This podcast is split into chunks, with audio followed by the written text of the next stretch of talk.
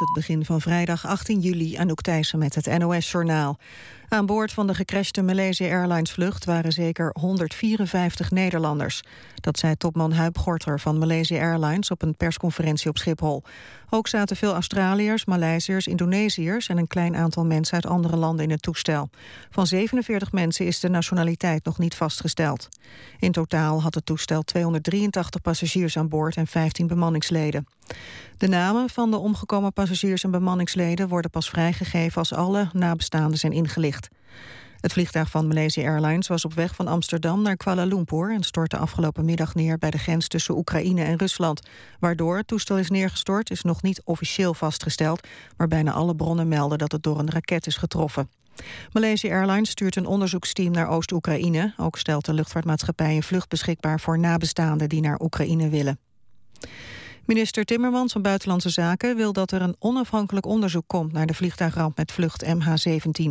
Ook moeten hulpverleners toegang krijgen tot het rampgebied dat ongemoeid moet worden gelaten. Timmermans heeft die boodschap overgebracht aan zijn Oekraïense collega Klimkin. Volgens Timmermans heeft hij zijn volledige medewerking toegezegd. Nederland heeft Oekraïne ook hulp aangeboden bij de hulpverlening en de verdere afwikkeling van de ramp, zoals bijvoorbeeld de identificatie van de slachtoffers. Israël is een grondoffensief in de Gazastrook begonnen. Premier Netanyahu heeft gezegd dat het leger tunnels tussen Gaza en Israël moet vernietigen. Volgens verschillende media zijn de tanks van het Israëlische leger de grens met Gaza overgestoken. Daarvoor werden zware luchtaanvallen uitgevoerd. Volgens Netanyahu moet Israël handelen om de eigen burgers te beschermen. Het weer blijft nog lang warm, maar uiteindelijk koelt het vannacht af tot zo'n 16 graden. Overdag veel zon, maar ook wat wolkenvelden. Het wordt 30 tot 33 graden en op de Wadden 25 tot 28 graden. Dit was het NOS Journaal. Radio 1. VPRO. Nooit meer slapen.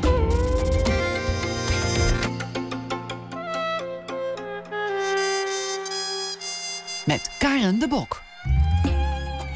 Goedenacht en uh, welkom op deze wat andere avond dan u van de VPRO en Nooit meer slapen gewend bent. En u zult dat begrijpen zo dadelijk uh, is er een persconferentie van uh, premier Rutte. En daar wachten we even op. Marcel Bril die doet daar zo dadelijk ook verslag van. En laten we ook live die persconferentie horen.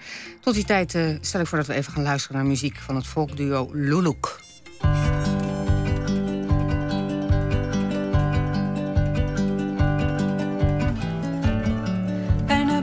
A picture play around. Look at us, we're upside down. Dazzling colors fill the page. Who could guess you are your age? All the rooms are out of place. There's me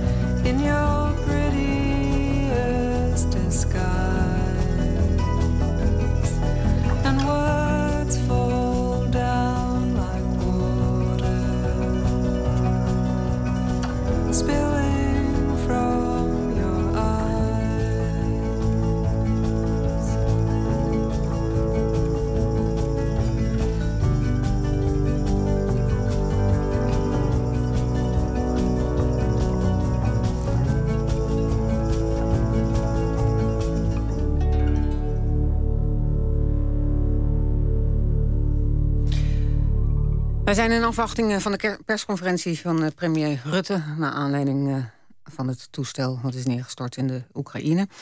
U luistert naar Nooit meer slapen. En te gast is hier Annette de Jong, journaliste. En een andere gast waar we nog op wachten is Dominique van der Heijden, ook journalist. En als u tv heeft gekeken vanavond, dan heeft u haar ook gezien over de crash. Want zij, was, uh, zij is politiek journaliste.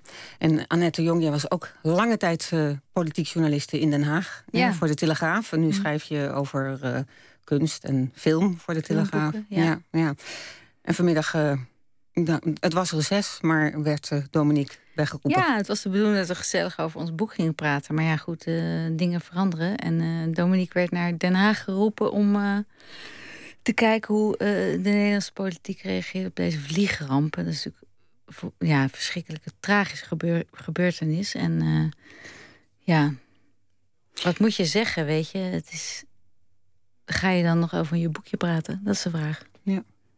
Nou, voorlopig wachten we daar eventjes mee tot de persconferentie er ook is. En uh, Dominique kan misschien dadelijk even vertellen hoe het in Den Haag was. Nou, jij hebt natuurlijk ook lange tijd in Den Haag rondgelopen. Uh, hoe, hoe, is het dan in dit soort crisissituaties? Want het is natuurlijk voor de politici zelf ook knap ingewikkeld. Hè, wat je moet zeggen, hoe je moet reageren. Ja, nou ja, sowieso al praktisch. Weet je, iedereen is met vakantie. Dus uh, mensen moeten in een vliegtuig springen, terug naar Nederland en op hun post gaan zitten. Niemand had hierop gerekend. En uh, dit is totale ramp. Ja, we hebben inmiddels contact met Marcel Bril in Den Haag. Hallo Marcel. Goedenavond. Goedenavond. Hallo. Ja. Oh, is de persconferentie begonnen? Nee, we zitten er klaar voor. En letterlijk zitten er klaar voor. Want we zijn naar een zaaltje in het uh, ministerie van Veiligheid en Justitie... waar het hele team uh, al bij elkaar zit, inclusief de premier. Die is later aangeschoven, omdat hij, zo weten we, terug is gekomen van vakantie. Wij zitten dus te wachten met z'n allen... Uh, totdat de premier een toelichting gaat geven. Want hij heeft natuurlijk eerder vanavond al wel gereageerd... maar dat ging nog niet over het, uh, het aantal uh, mensen dat in het vliegtuig zaten van Nederlandse kom af. Daar heeft hij nog niet op gereageerd. misschien zijn er ook nog wat meer zaken te zeggen mm -hmm. die nog niet gezegd zijn. En de premier die komt nu aangelopen samen met minister Opstelten. En Dick Schoof, de Nationaal Coördinator Terrorismebestrijding en Veiligheid. Laten we meeluisteren naar meneer Rutte, de premier.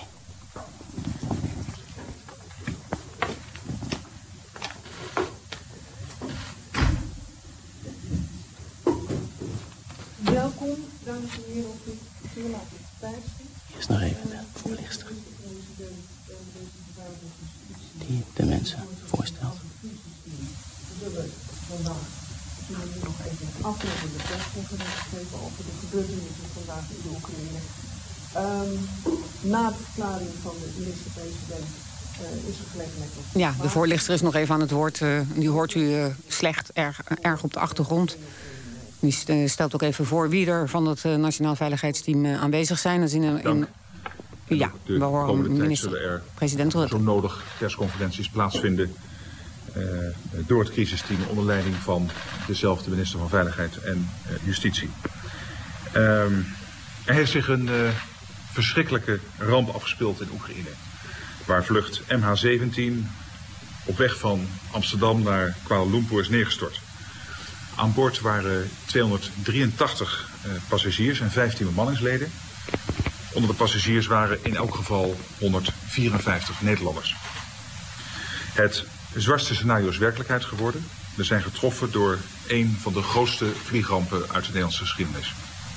Heel Nederland is geschokt door deze buitengewoon dramatische gebeurtenis. Onze gedachten gaan uit naar de nabestaanden die met een intens verdriet worden geconfronteerd. En we leven zeer met hen mee. De nabestaanden van de slachtoffers, uh, voor zover bekend, uh, worden vanaf dit moment geïnformeerd. Er is nog steeds veel onduidelijkheid over de precieze toedracht van de ramp. Uh, we doen er alles aan om de toedracht zo snel mogelijk te achterhalen. Ook wordt alles in het werk gesteld om overledenen zo snel mogelijk te kunnen repatriëren. Nabestaanden en familie van slachtoffers kunnen bij een speciaal nummer van Buitenlandse Zaken terecht. Het nummer is 070 348 7770. Ik herhaal 070 348 7770.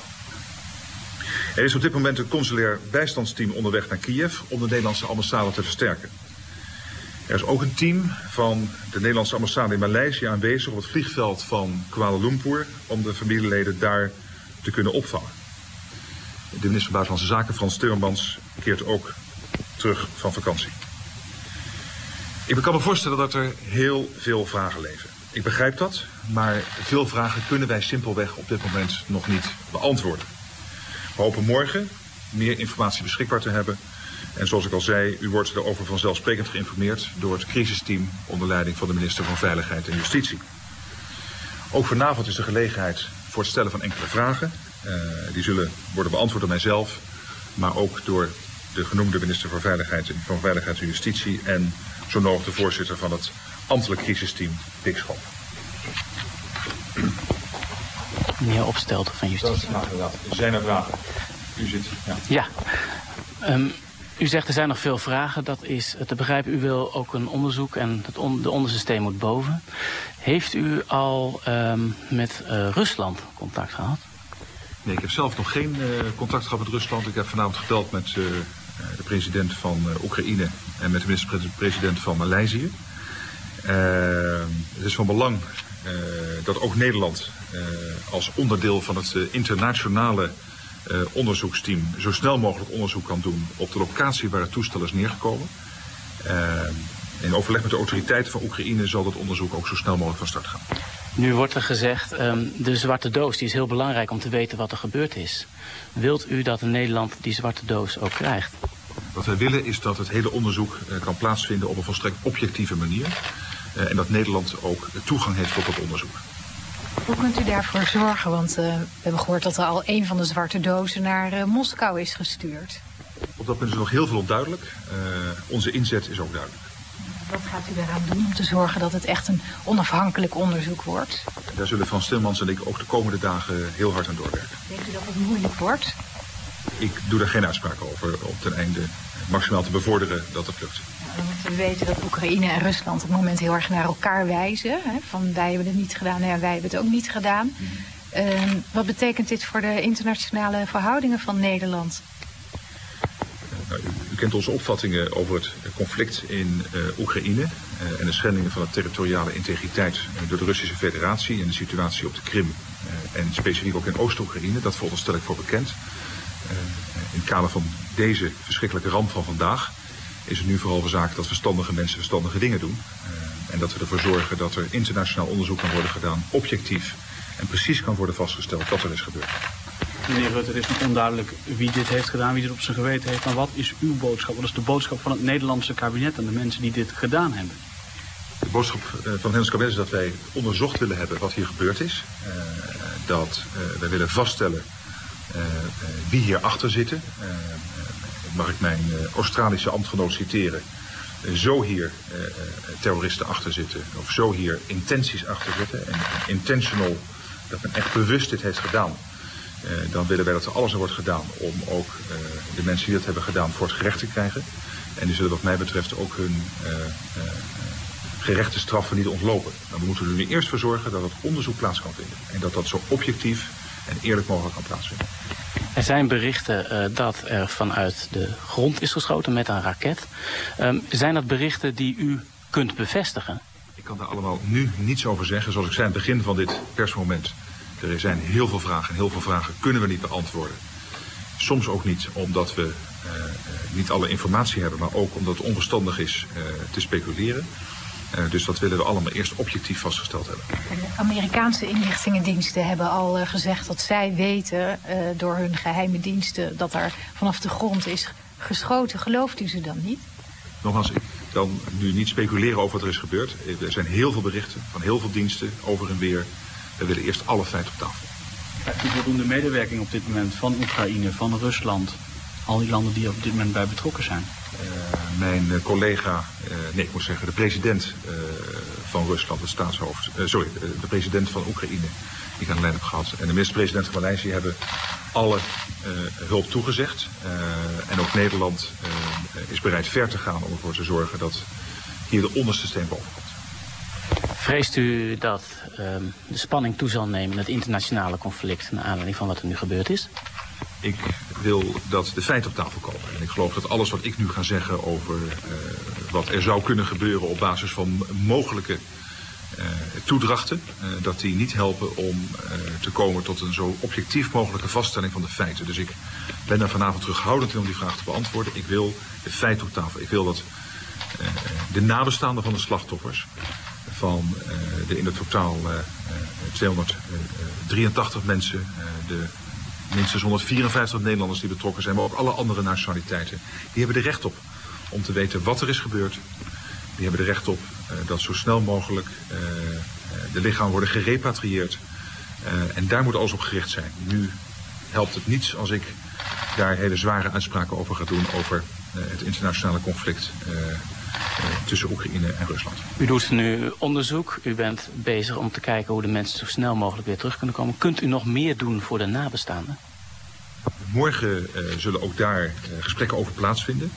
Uh, er zullen ook gesprekken plaatsvinden met nabestaanden om te bezien hoe wij ook zo goed mogelijk kunnen helpen. Er zijn al natuurlijk de eerste acties zijn al uitgezet, er wordt al aan gewerkt. zoals we dat in, in zo'n geval op een Nederlands goed niveau willen doen. Namelijk zo maximaal mogelijk de mensen in deze verschrikkelijke omstandigheden. Waarin zij vanmorgen hun dierbaren hebben uitgewuifd. Misschien met een rugzak op weg naar, naar Bali via Kuala Lumpur of voor een zakenreis. Uh, hebben gezegd, we zien je weer over een paar weken. Misschien over volgende week alweer, wanneer ze terug zouden komen. En uh, nu in de loop van de middag hebben we gehoord dat er toestel is neergestort. Dus dat zal, daar zullen wij alles aan doen om op een zeer hoog niveau ervoor te zorgen dat die nazorg er is. Tot slot, wanneer, wanneer, wanneer verwacht u contact te hebben met de Russen? Want die zijn ook belangrijk, toch? In We gaan denk ik afronden. Ja. Dank u wel voor de komst. En, uh, dat was premier Rutte. Ja, Dank u wel. Dank je wel, uh, Marcel Bril. Goed, u luistert uh, naar Nooit meer slapen, het cultuurprogramma van de VPRO. En u begrijpt het, het staat een beetje in het teken van wat anders vandaag dan van de cultuur. Hier aan tafel uh, Anton, An Annette de Jong en Dominique van der Heijden. Uh, beide journalisten, beide schrijvers. We zouden eigenlijk praten over jullie uh, triologie, politieke triologie... die jullie hebben geschreven, Morten. Moeten we maar even kijken hè, wat we daarmee doen. Ja, laten we daar nu maar eventjes nog niet over hebben. Nee, niet, niet meteen over beginnen. Het voelt een beetje vreemd. Nee. Dominique, jij komt net terug uit Den Haag. Um, ja. Ja, dan, dan gaat de telefoon, dan moet je er naartoe. En dan, wat is het eerste wat je doet dan, als je in Den Haag aankomt? Nou ja, uh, bellen. Bellen met de, met de ministeries. Wat is, uh, wat is er gaande? Wie zit er bij elkaar? Uh, wie is er eigenlijk in het land? Want het is natuurlijk vakantieperiode. Ze hadden net hun laatste vergaderingen gehad. Ja. Gisteren nog even in Brussel. Dus uh, gedurende de dag bleek dat uh, Mark Rutte in, uh, in Zuid-Duitsland zat. Timmermans horen we dus net Rutte zeggen. Die is ook nog in, ja. in het buitenland. Nou, dan is er natuurlijk altijd wel een waarnemend... Bewindspersoon. En zeker iemand die over de crisis, crisissen gaat, crisis gaat. En dat is opstelten. opstelten. Ja. Je hebt net mee zitten luisteren naar de persconferentie. Ja. Het, uh, het, laatste deel. Ja, nee, het is te, wat, wat overduidelijk op van natuurlijk. Het gaat nu heel erg, uh, uiteraard, over de slachtoffers en de nabestaanden, wat er allemaal moet gebeuren. Want het is natuurlijk een, een, een vreselijke operatie die, uh, die nog moet gaan beginnen. Ja. het bergen van, van de slachtoffers. dan gaat dus een groot team naar, naar Kiev. Uh, maar wat ik begrijp, kijk, het identificeren van al de lichamen, uh, het, dat is natuurlijk een, vreselijke operatie. En uh, ze proberen nu ook natuurlijk de nabestaanden, de mensen die weten dat uh, familie, vrienden in, in het vliegtuig zaten, die proberen ze nu natuurlijk op te vangen. En kijken of die misschien naar Kiev zouden willen of, of niet. Ja, dat is natuurlijk een vreselijke onzekerheid allemaal. Ja.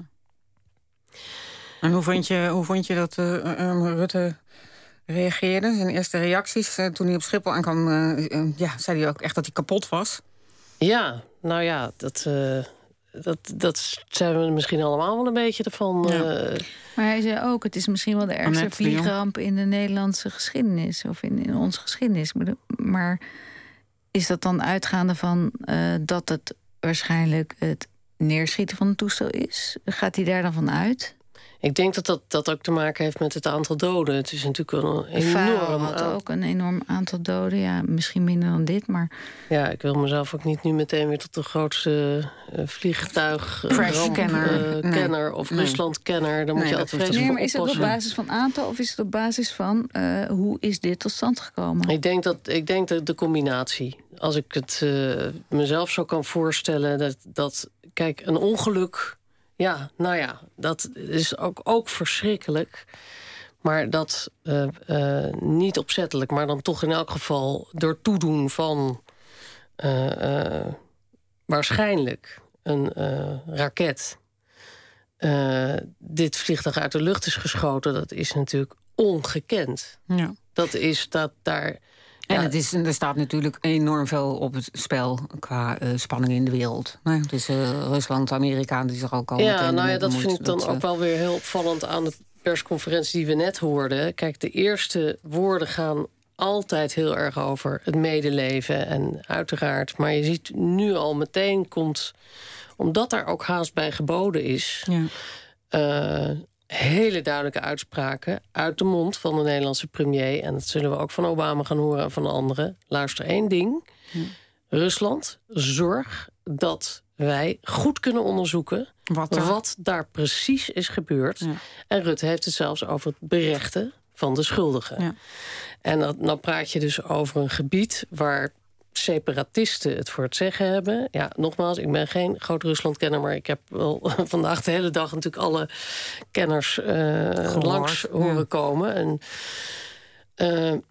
het wordt heel moeilijk, maar als iemand ervoor kan zorgen... samen met eh, Oekraïne dat dat ook werkelijk gebeurt... dan is het natuurlijk Poetin. Ja.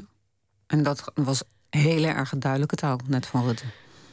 Dat moet absoluut gebeuren. En ehm, ik had eerder ook wel mensen aan de lijn die zeiden... eh, kijk, we hebben wel als Nederland enige ervaring. Want ehm, eh, Gaddafi heeft in der tijd ook... in 2010 was dat, eh, meen ik uit mijn hoofd... Ja, in Libië. Ja. was de ramp in Tripoli. Ja. En ook daar dacht iedereen, nou, dat krijgen we nooit meer te weten... wat daar precies is gebeurd met die gekke airline, die prijsstunter. En, en toch is daar volledige medewerking verleend door de autoriteiten... omdat het toch wel ook in hun belang is... ehm, dat daar eh, duidelijkheid komt. Ja. En de hoop is natuurlijk dat eh, de Russen en ook die separatisten... zeker eh, Kiev, zeker Oekraïne... natuurlijk alles op alles zullen zetten om... eh, maar je zag wel, ja, ik weet niet, nogmaals, geen expert... maar dat heb ik dan niet voor het laatst gezegd... maar als ik zag hoe daar een brandweermannetje... en mensen op de wrakstukken aan het lopen waren en zo... dan wordt daar natuurlijk al meteen allerlei eh, mogelijk bewijsmateriaal... eh, van waar, waar dat vliegtuig door geraakt is bijvoorbeeld... wordt daar natuurlijk al verstoord. En eh, nou ja, om nog maar helemaal te zwijgen over de mensen die daar... eh, Ja. Met wie denk je dat Rutte eh, overleg heeft gehad? Want wat jij net ook duidelijk zegt, het was hele klare taal. Wij moeten gewoon weten wie zat hierachter. We moeten goed onderzoek kunnen doen, onafhankelijk onderzoek kunnen doen. Met wie heeft Rutte gepraat vanaf het moment dat hij aankwam op Schiphol? Met Timmermans sowieso. Ja. Natuurlijk Frans Timmermans is eh, zeer goed op de hoogte van, eh, nou ja, sowieso van alle internationale ontwikkelingen, maar ook, ook vooral van een echte Ruslandkenner. Hij spreekt het ook eh, vloeiend. En ehm, eh, dus ik neem aan dat, dat Rutte.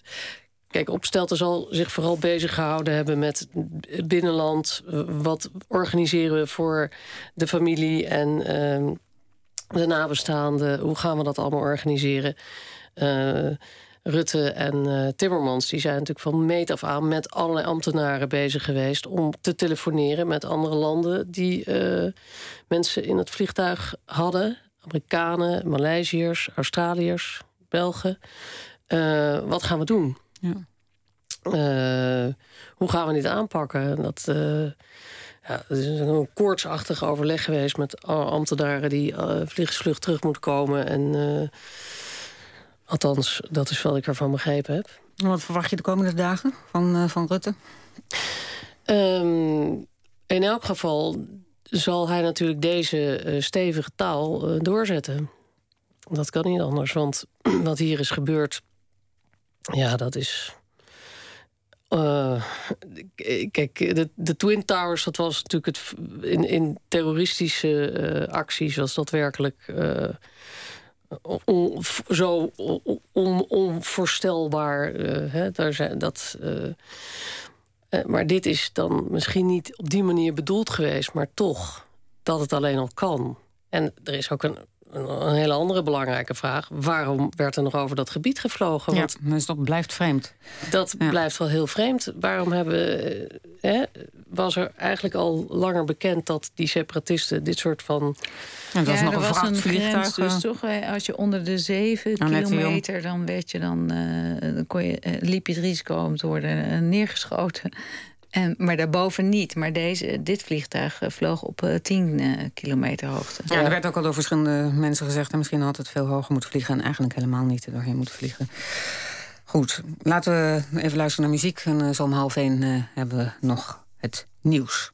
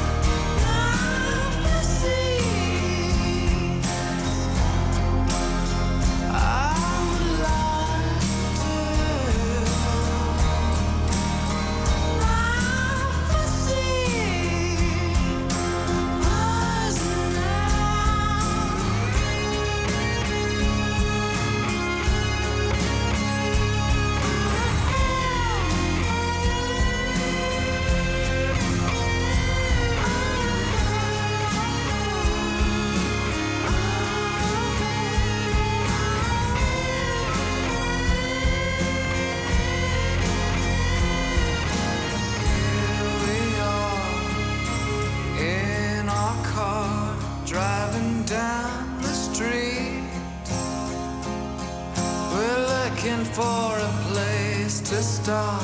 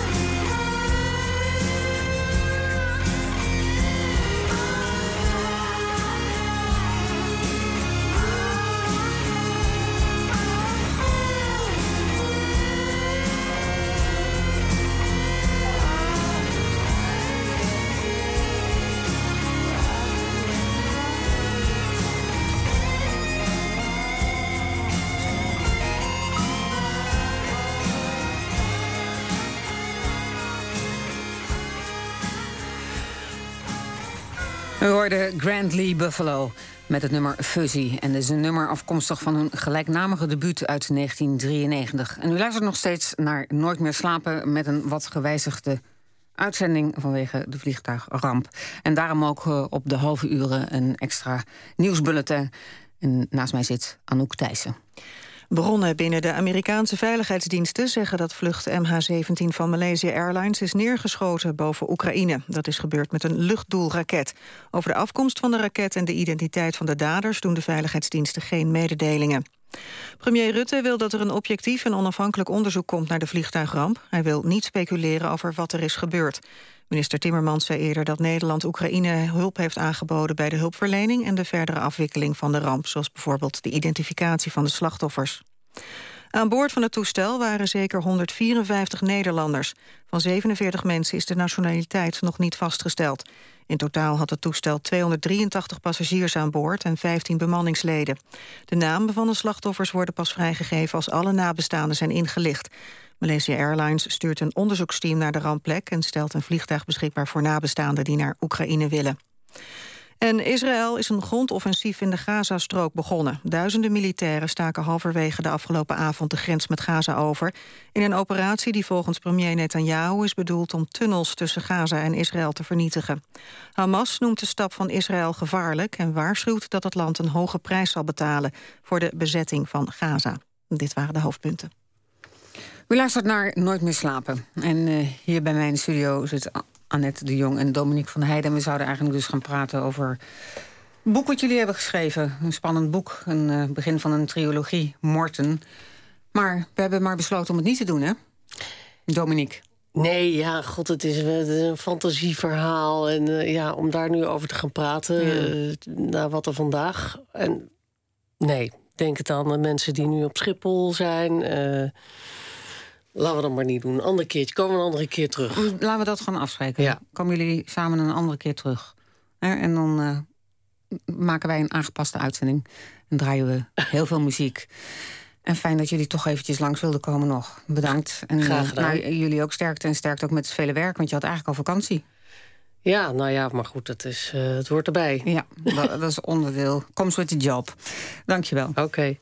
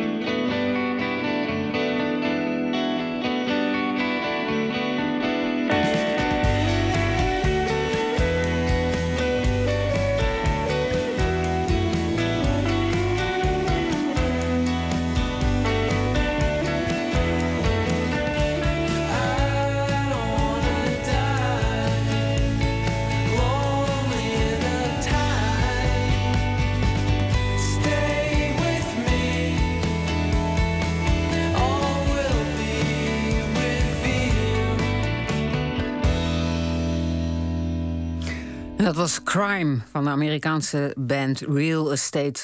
U luistert naar een aangepaste uitzending van het cultuurprogramma Nooit meer slapen van de VPRO. En uh, we hebben besloten om u te laten luisteren naar de rubriek Door de Nacht. Daarin vertellen mensen over wat hen letterlijk en figuurlijk door donkere nachten heen helpt. En vannacht is dat met de schrijver Robert Anker.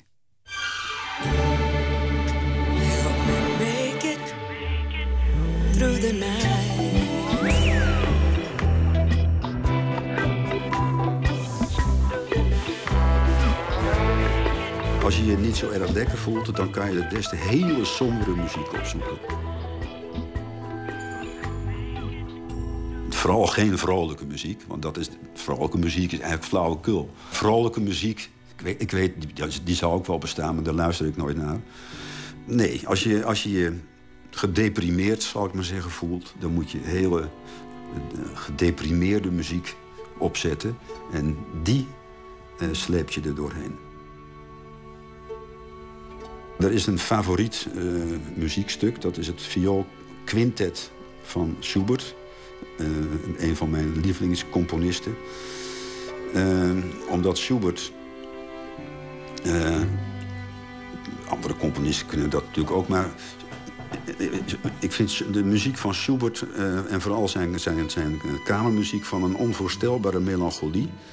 Tegelijkertijd heeft het iets wat daar ook weer zichzelf bovenuit deelt. Het aardige is bijvoorbeeld dat de, soms, soms de meest melancholieke stukken staan in groot, in grote terts. Dus niet in, de, niet in mineur, wat je zou verwachten.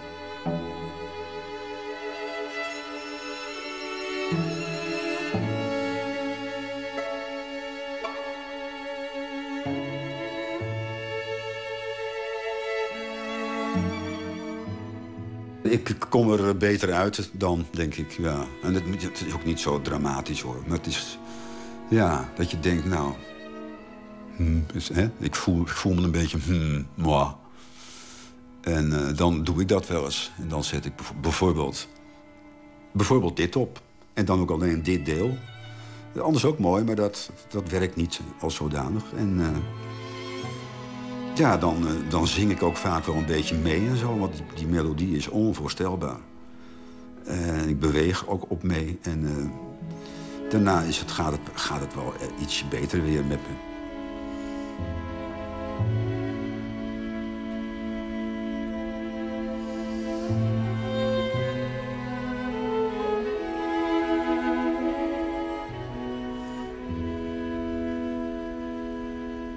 Er zit één gedeelte in, en dat is, het, uh, dat is wat ik nu op het oog heb. Uh, dat is van, van ja, dat is Schubert op zijn diepst en zijn grootst. En een ongelofelijke melodie zit daarin die, die, die, ja, die Aldemui weer terugkomt en weer naar, Aldemui naar beneden gaat. Letterlijk naar beneden gaat, de diepte in. En dan begint hij weer opnieuw, maar weer naar beneden. En die gang van de muziek, die heb ik in mijn vorige... Mijn laatste roman, Schuim, heb ik die... Waar een, dat, dat boek gaat voor een belangrijk gedeelte over muziek. Heb ik dat beschreven. Dat kan ik als beste even voorlezen. Want daar heb ik het uh, geprobeerd zo goed mogelijk onder woorden te brengen. Het adagio, dat hoogst emotionerende adagio. Wat gebeurt daar precies?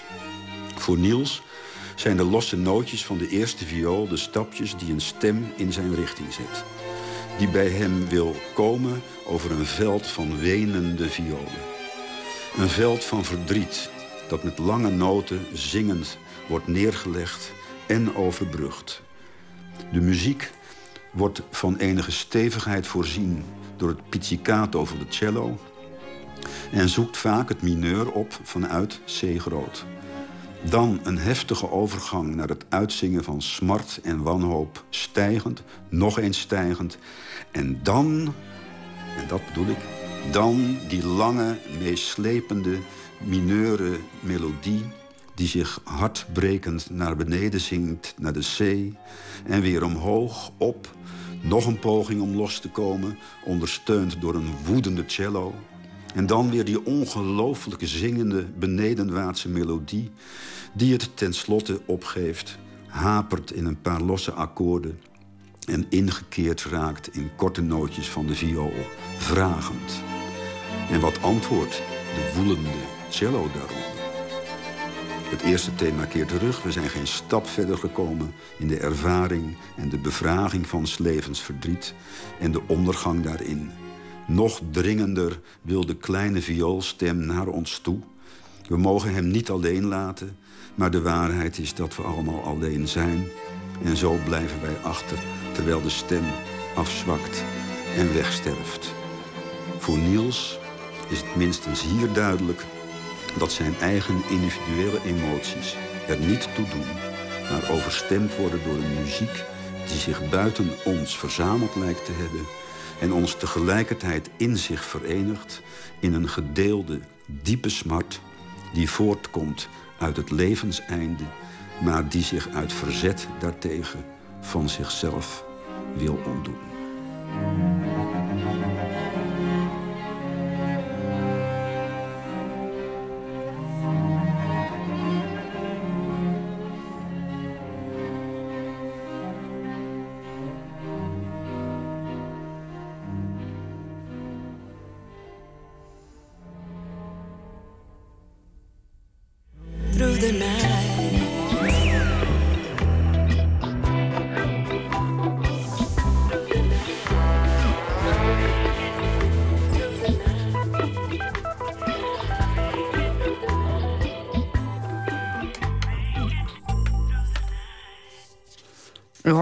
Schrijver Robert Anker en u luistert naar een aangepaste uitzending van Nooit meer slapen.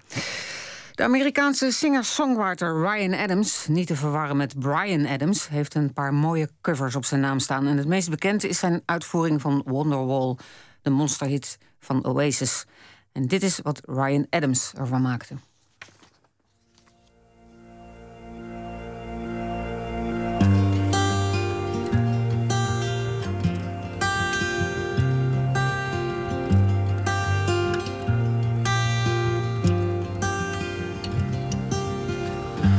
Today's gonna be the day that they're gonna give it back to you.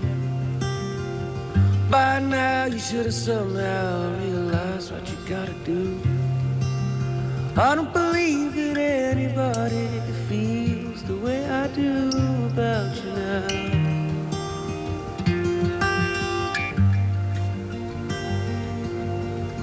Backbeat to what is on the street, that the fire in your heart is out. And I'm sure you've heard it all before, you never really had a doubt. I don't believe that anybody feels the way I do about you now.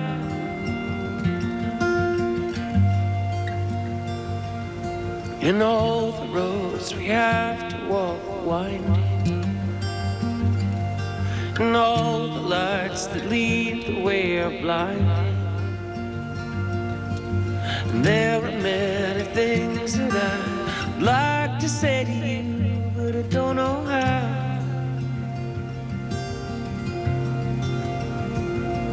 Said maybe you're gonna be the one that saves me. And after you're my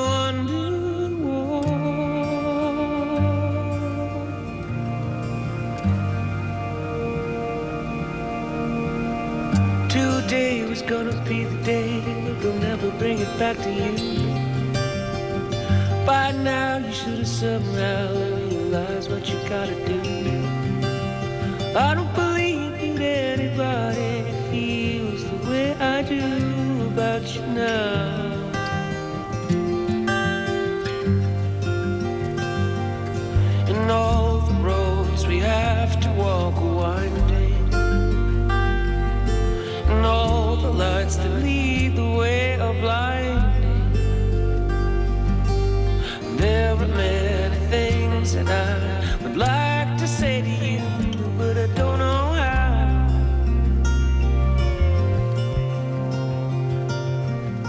sitting me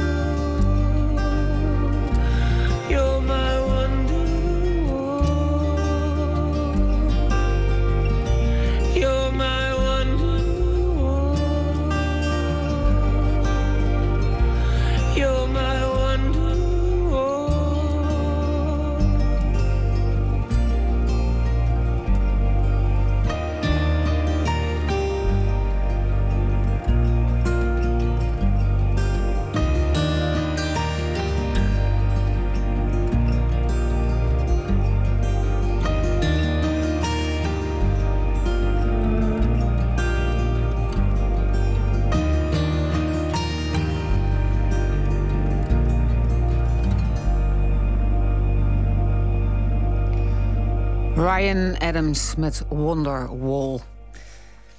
We hebben hem eh, al eh, een paar keer gehoord. Onze schrijver van de week, de Vlaamse schrijver en theatermaker Joost van de Kastelen. Goedenavond, Joost. Goedenavond. Dat is een eh, wat andere avond dan gisteravond, hè? Ja, ja, ja, ja. Elke avond is, is anders. Maar dit is heftig. Dit is Ja. heel heftig. Ja. Hoe, hoe is het nieuws in, in België ontvangen? Ehm, het is... Het is eh, natuurlijk is er zo'n heel vreemde wetmatigheid. Niet, is, is, namelijk hoeveel Belgen zijn betrokken. Ja. En, en, en dan is er iets heel vreemds dat, dat mij altijd stoort. Dat we dan de aantallen gaan tellen. En dat we dan gaan beslissen hoe erg we het vinden. Ja, ben ik helemaal met je eens. Dat heeft altijd iets heel vreemds. Ja, iets, iets Ja, cru. en, en Ja. ja, toen, toen, toen duidelijk werd dat, me, dat er misschien een Belg bij betrokken was, was het vrij rustig. Toen waren er twee Belgen en dan zaten we aan vier Belgen en toen was het plotseling heel erg. Eh, en, en, maar ja, niks vergeleken met hoe dat het waarschijnlijk daar binnenkomt. Dus het is hier binnengekomen en, en op een raar manier is het samen binnengekomen met de Gazastrook. Als een soort, als, als, als, als twee hallucinante evenementen op één avond. Ja, precies. Twee eh, grote internationale politieke problemen. Ja, ja, en, en, en allemaal een klein beetje... Weet je, we, we, we, we denken al te vaak vanuit Europa dat wij een lichtend voorbeeld zijn. Dat wij, omdat wij zo'n rijke geschiedenis hebben, dat wij oorlogen hebben overleefd en overwonnen, dat wij de Berlijnse muur kapot hebben gekregen, dat mensen gewoon Europa moeten kopiëren en dat het al in orde komt. Maar zo werkt het niet. Alleen de wereld gaat niet Europa kopiëren omdat ze ons zwak vinden. Ze kijken naar ons en ze vinden ons heel zwak. En, en, en, en dit is wat er nu gebeurt. Nu krijgen mensen een bijna een soort overcompensatie van, van sterk willen lijken. Van, van, en en, en, en waar, waar, waar burgerslachtoffers vallen die er niks mee te maken hebben. Ja. Nou, ik wil je toch... Het is, het is voorbij politiek, denk ik. Het, is, het, is, het, is- het heeft bijna niks met mijn politiek te maken. Het heeft te maken met bijna een puur menselijke noodzaak om zich te affirme- affirmeren eh, wanneer, wanneer je genegeerd voelt. Ja.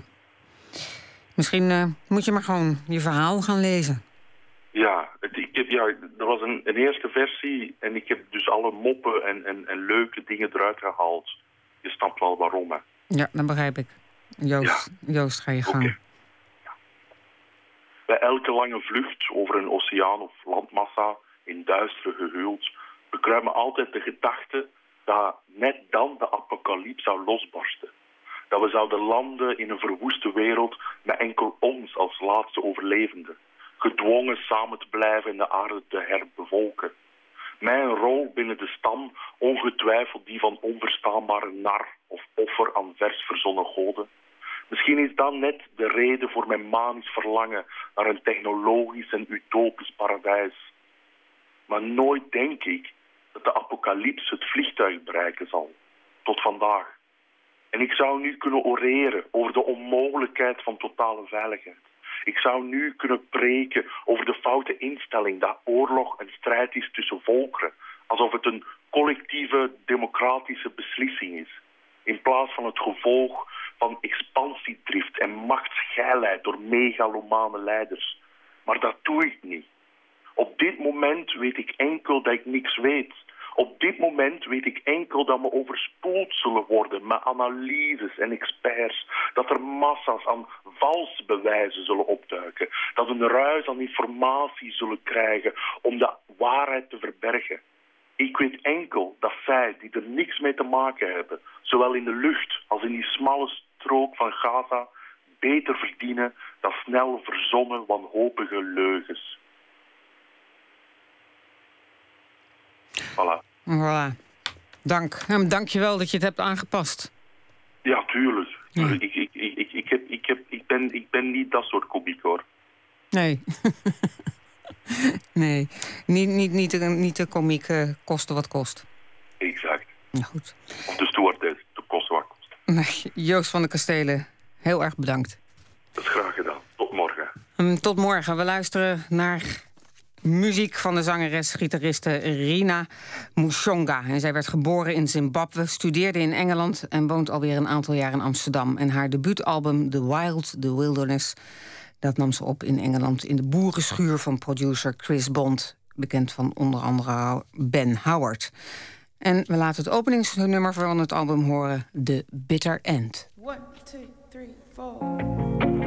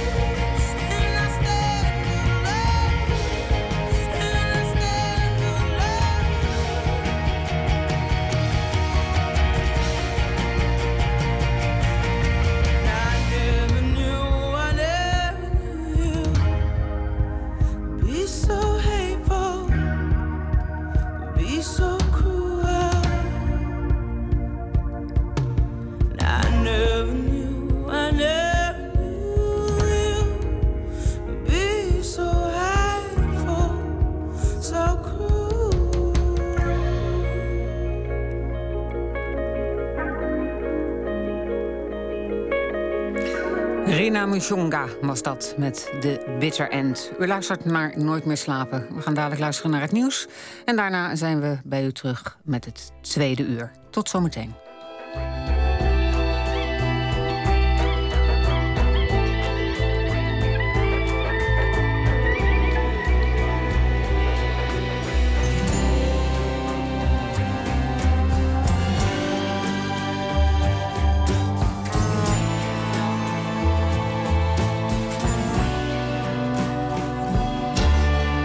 Radio 1, het nieuws van alle kanten.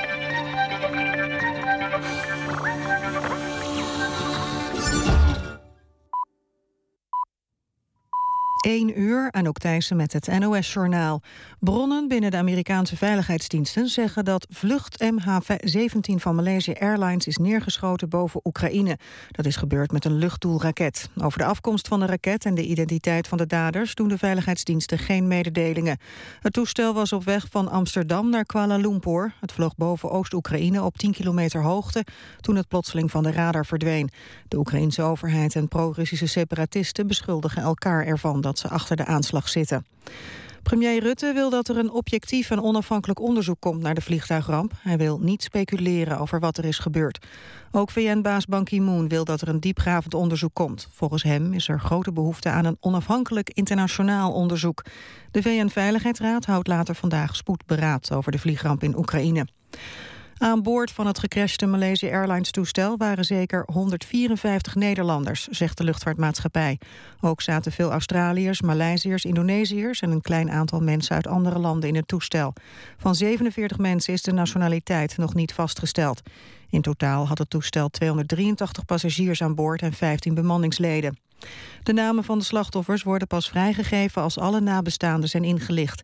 Malaysia Airlines stuurt een onderzoeksteam naar Oost-Oekraïne. Ook stelt de luchtvaartmaatschappij een vlucht beschikbaar voor nabestaanden die naar Oekraïne willen. Israël is een grondoffensief in de Gazastrook begonnen. Duizenden militairen staken halverwege de avond de grens met Gaza over... in een operatie die volgens premier Netanyahu is bedoeld... om tunnels tussen Gaza en Israël te vernietigen. Voor het grondoffensief begon werden zware luchtaanvallen uitgevoerd. Hamas noemt de stap van Israël gevaarlijk... en waarschuwt dat het land een hoge prijs zal betalen voor de bezetting van Gaza. Het weer blijft nog lang warm, maar uiteindelijk koelt het af tot zo'n 16 graden. Overdag veel zon, maar ook wat wolkenvelden. Het wordt 30 tot 33 graden. Op de Wadden 25 tot 28 graden. Dit was het NOS Journaal. Radio 1. VPRO. Nooit meer slapen.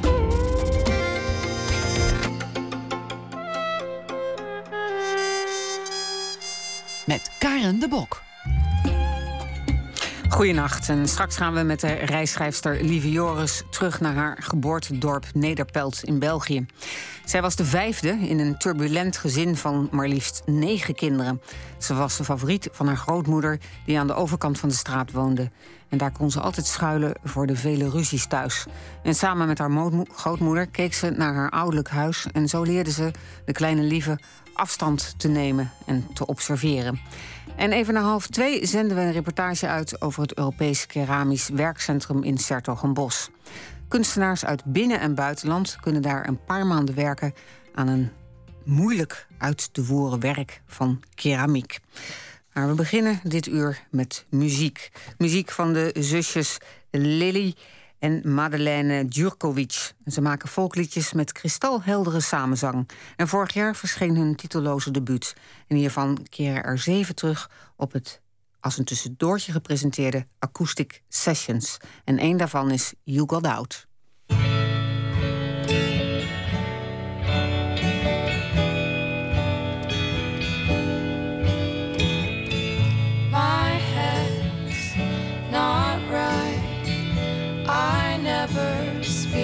Truth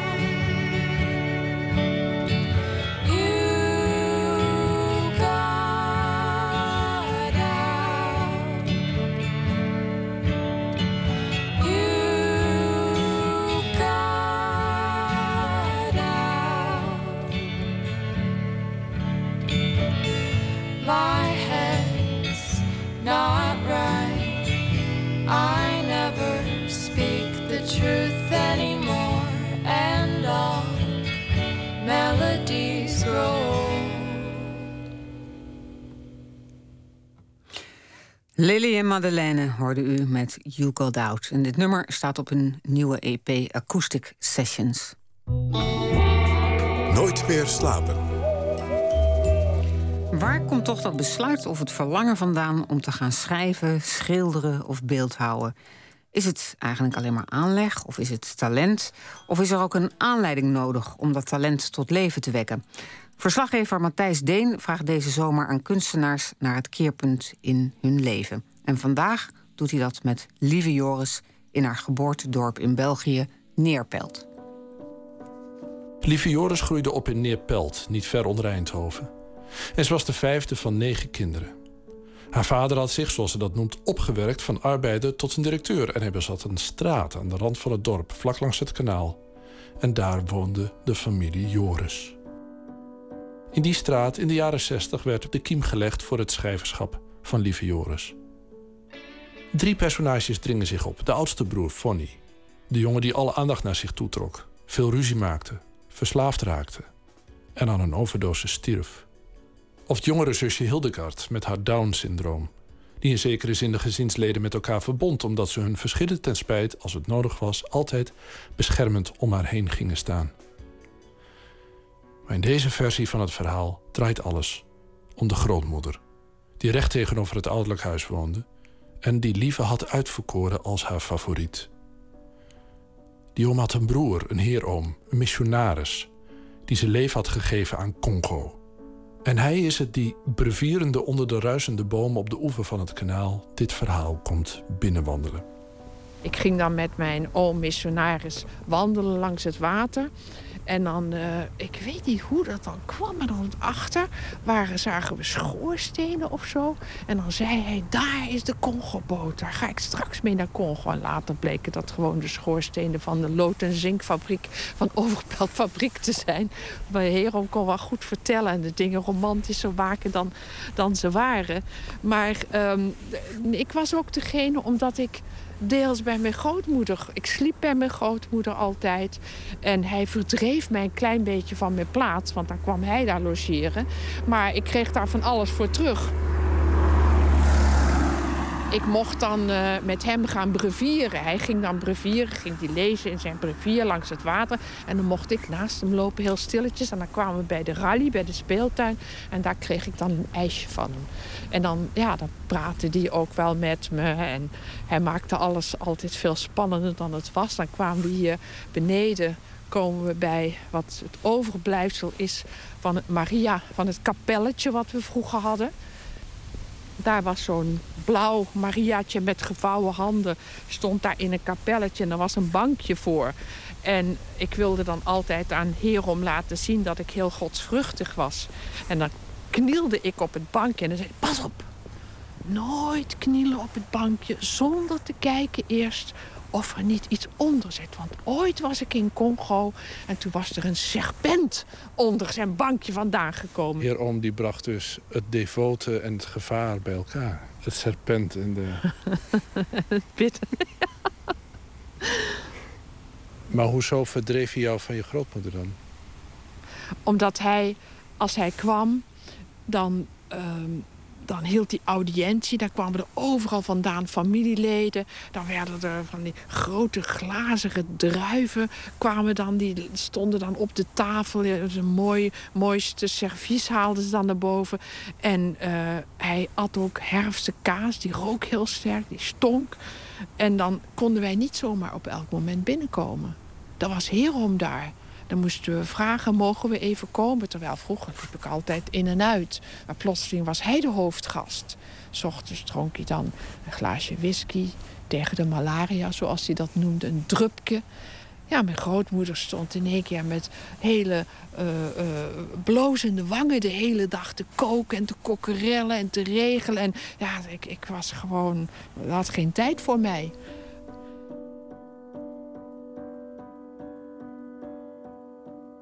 Maar het feit dat jij dus uh, bij je grootmoeder was, uh, uh, anders dan je broers en zussen... betekent dat, dat dat je een speciale positie had? Of? Mijn grootmoeder is bij ons komen wonen toen ik net geboren was. Dus ik denk gewoon dat ik het kind was dat, dat in de wieg lag... en waar ze zich het meest aan gehecht heeft. En dat heeft mij heel erg bepaald. Dat was een heel woelig nest waarin ik opgroeide. En ik kon op elk moment daaraan ontsnappen. En als ik dan aan de overkant van het ouderlijk huis... vanuit... Soms zei ze, doe de gordijnen maar dicht. Als het ruzie was of zo. Of er was, doe de gordijnen maar dicht, zei ze dan. En, dan en de bepaald... ruzie die woei over de straat? Ja, dat ja, kon je ja, horen. dan was het voorbij. Ja, en als het dan voorbij was, dan zei ze... ga eens kijken of het voorbij is. En dan uh, ging ik voorzichtig achterom... en dan kwam ik kijken of het allemaal voorbij was. Bijvoorbeeld, we hadden een stoep ook. En mijn moeder die ging met het water van de uh, wasmachine ging ze dan de stoepen schuren. En dan zat mijn grootmoeder, de schoonmoeder, zat dan voortdurend commentaar te geven. Ze gaat nog eens vallen met die hoge hakken. Maar ik zat dus ook naar mijn moeder te kijken. Vanuit mijn grootmoeders huis, vanuit de beschutte omgeving van dat huis bij ons thuis bijvoorbeeld. Ja, negen kinderen. Dat is, mijn ouders waren echt helemaal overvallen. Als bij ons een stuk kaas werd gekocht... dan lag dat gewoon vier dagen later uh, helemaal zo in een schuit gesneden... Uh, zonder papier in de ijskast. Terwijl mijn grootmoeder die had een garde-manger. Dat had geen ijskast. Dat was uh, in de achterkamer waar het koel was. Had ze zo'n klein kastje met een, een gaasje ervoor. En daar lag keurig bovenop elkaar die kleine schijfjes kaas allemaal. Dus daar werd er eentje van afgehaald, in tweeën gesneden, van plastic ontdaan en zo. Dus die orde die daar ook heerst. En mijn grootmoeder zei ook altijd, elk ding zijn plaats, elk ding op zijn plaats. Dus alles, daar heb ik ook geleerd van een soort kloosterachtige orde te hebben in, in mijn leven, in de spullen die ik om me heen heb. En dus ook in mijn hoofd. Terwijl thuis was een soort enorme warrig. En die oudste broer was heel turbulent. Die zou later sterven aan een overdosis. Wat dat betreft was die geordende grootmoeder voor jou natuurlijk... Uh, de, de, structuur en de afstand uh, die jou misschien wel behoed heeft. Ja, ik, ik denk... Ik ben haar heel veel verschuldigd, denk ik. Ik, ik heb denk ik heel veel aan haar te danken. Dat was een... Ik ben aan de ene kant een kind dat opgegroeid is in een groot woelig nest. En ik ben ook een, uh, een bedorven, zoals wij dat noemden. Een verwend uh, grootmoederskindje. Dat is toch niet zo bedorven? Nou, uh, ik denk wel in die zin dat ik het gevoel had... dat ik heel belangrijk was voor één persoon dat ik uniek was ook. Dat is in een gezin met negen kinderen natuurlijk... wanneer je zo'n dominante oudste broer hebt... Helemaal, die, die ook alle aandacht van de ouders opzuigt. Um, om, om die andere kant te hebben. Die persoon die onvoorwaardelijk van me hield. Die, die zelfs toen ik, als ik dan ruzie had met mijn, middel, mijn lage schoolvriendinnetje... en dan het later toch weer bijlegde, dan zei mijn grootmoeder... ik dacht dat je ruzie had met Hilda. Dus ze was ook wel een beetje jaloers als ik dan mijn eerste vriendje kreeg en zo. Dus daar stond wel wat tegenover. Ik moest ook wat aan haar geven wel. Het gevoel nee. uniek te zijn kan geen kwaad voor een schrijver, toch? Nee, dat denk ik niet, inderdaad. En dan met z'n tweetjes naar de overkant kijken en observeren? Ja. Heeft jouw grootmoeder ooit meegemaakt dat je ging schrijven? Dat je succesvol werd? Nee, het, ik ben ehm, op mijn negentiende naar de Verenigde Staten gegaan als au pair. En eh, ik was daar negen maanden toen is zij overleefde. En dat is ook wel een heel groot verdriet in mijn leven. Een soort iets dat je nooit meer kan herstellen. Want ik moest weg. Eh, ik kon niet blijven, maar ze was al ziek. Ze lag in het ziekenhuis eh, toen ik wegging. En ze is daar ook overleden. En daar had ik gewoon helemaal niet bij nagedacht. Ik dacht gewoon dat ze op mij zou wachten. Ik denk dat alles altijd gaat duren, dat het er altijd zal zijn. En ik herinner me toen, ik, ik zie mezelf nog zitten op de trappen van het huis waar ik dan au pair was. En eh, die brief die kwam weken later aan of zo. En eh, rustig ingeslapen. We waren allemaal bij haar, maar ze bleef naar de deur kijken. Om te wachten op mij. Ze dachten dat ze mij daarmee troostte. Maar toen was ik pas echt verdrietig. Dat ja, mijn grootmoeder op mij wachtte. Zoals ze zeggen dat de doden wachten op de levenden... opdat die bij hen zouden zijn. Daar heb ik ook jaren over gedroomd. Dat is eigenlijk pas sinds kort dat ik dat niet meer doe. Nou, ik droom nog wel. Ik heb nog onlangs nog gedroomd dat ze ergens woonde aan zee. En altijd is het weer hetzelfde. Ik droomde een week of twee geleden. eh, ze woonde in een huis aan zee. Beneden woonde zij. Boven woonde mijn zusje die het Down-syndroom heeft. En mijn broer was er ook. En voor ik het wist was ik haar weer aan het verwaarlozen. Want ik was boven terwijl zij beneden was en kon zij wel van beneden naar boven. En ik heb ook wel eens gedroomd dat ik in haar huis kwam en dat al haar meubels van glas waren. En ik kon niet op gaan zitten, want dat zou allemaal breken. Of een andere keer dat ik klein was en dat ik haar been vastpakke... zoals ik dat deed als dat zij met iemand stond te praten, met mijn heroom of zo. En dat ze zei dat ze geen tijd voor me had. En ja, dat ik soms huilend wakker werd. Zoveel jaar later nog. Dat is toch een soort, ik heb ergens wel eens geschreven... je ligt je anker niet ongestraft. Dat heb ik in de laatste dagen van mijn moeder echt heel erg gemerkt. Ik, kwam, ik was in Congo en toen kreeg ze een herseninfarct. En toen ben ik naar huis gekomen. Ik was nog twee weken bij haar. En alle zussen probeerden dan mijn moeder mijn naam te laten zeggen. Kijk eens mama, wie is uit Congo gekomen? Ons lieve. Bieke, zei ze dan. Dat is mijn jongste zusje. En ze heeft mijn naam nooit meer gezegd. En omdat er toch altijd na de dood van mijn grootmoeder ook een soort scherm was tussen haar en mij. Want ik had naar haar zitten kijken terwijl zij met haar hakkenschoentjes eh, de stoepen aan het schuren was. En ik had zitten luisteren naar wat mijn grootmoeder dan zei. Ik ben wel op mijn vijftiende heb ik een keer tegen mijn grootmoeder gezegd. Toen werd ik een beetje rebels. Mijn grootmoeder zei altijd dat ik mijn ouders moest eren. Maar ze zat ook voortdurend allerlei lelijke dingen over mijn moeder te vertellen. Dus op een dag heb ik gezegd tegen haar... hoe kan ik mijn ouders eren als jij voortdurend slechte dingen over mijn moeder zegt? Dus toen heb ik de deur dichtgeklapt en ben ik weggegaan. En een tijdje weggebleven. Maar dan legde je dat later weer bij. Vind ik niet iets om je voor te schamen hoor. Ja, dat, dat, dat, je moet je losmaken. En, maar op het moment dat je dat realiseert, zoals ik me realiseerde op mijn negentiende... dat dat losmaken betekende dat je iemand eigenlijk jammerlijk in de steek had gelaten. Ik had daar moeten zijn die laatste maanden van haar leven. Maar dat, je, je maakte een vlucht vooruit, een noodzakelijke vlucht. En die vlucht heeft ook jarenlang geduurd. En eigenlijk pas op het moment dat terug naar Congo verscheen, toen was ik eh 34. Dat mijn moeder op de receptie waren we omringd door paters met soutanes. Herom leefde al lang niet meer, maar zijn confraters waren er nog. En die stonden allemaal met hun handen over hun dikke buikjes tevreden toe te kijken. En toen kwam mijn moeder plotseling naar me toe en die zei... Maar lieve, waar heb je geschreven?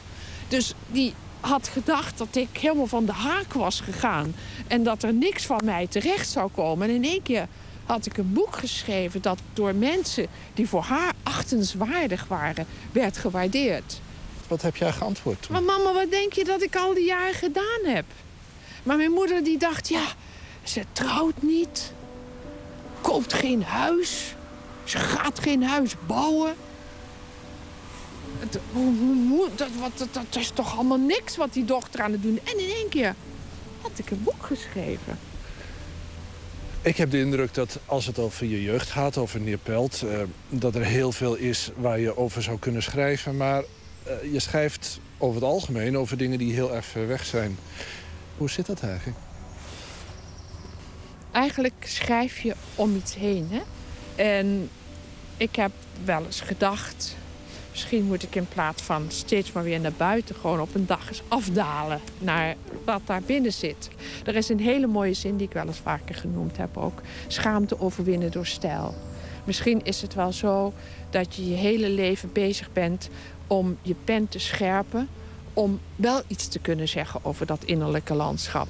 En... ehm, ik denk ook soms eh, dat ik dat gewoon maar eens moet gaan doen. Als we een plek moeten uitkiezen waar jij schrijver geworden bent... dan hebben we het eigenlijk toch over het huis van je grootmoeder. Ja, maar zonder dat ik dat op dat moment wist.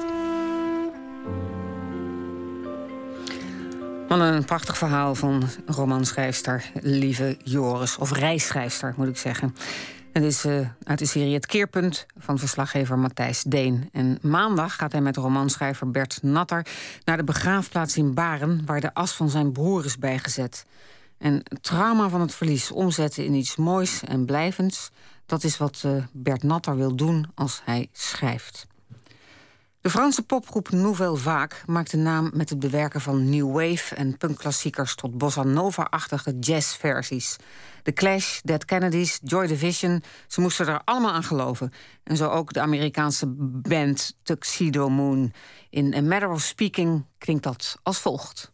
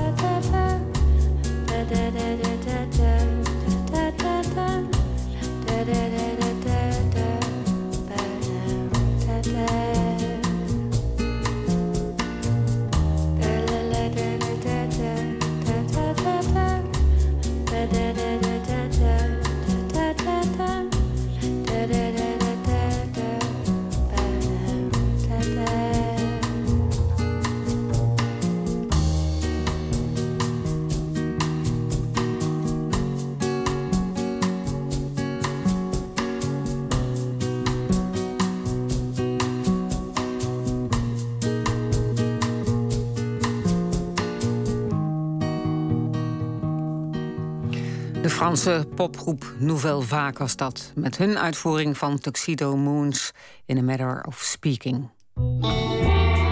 Nooit meer slapen.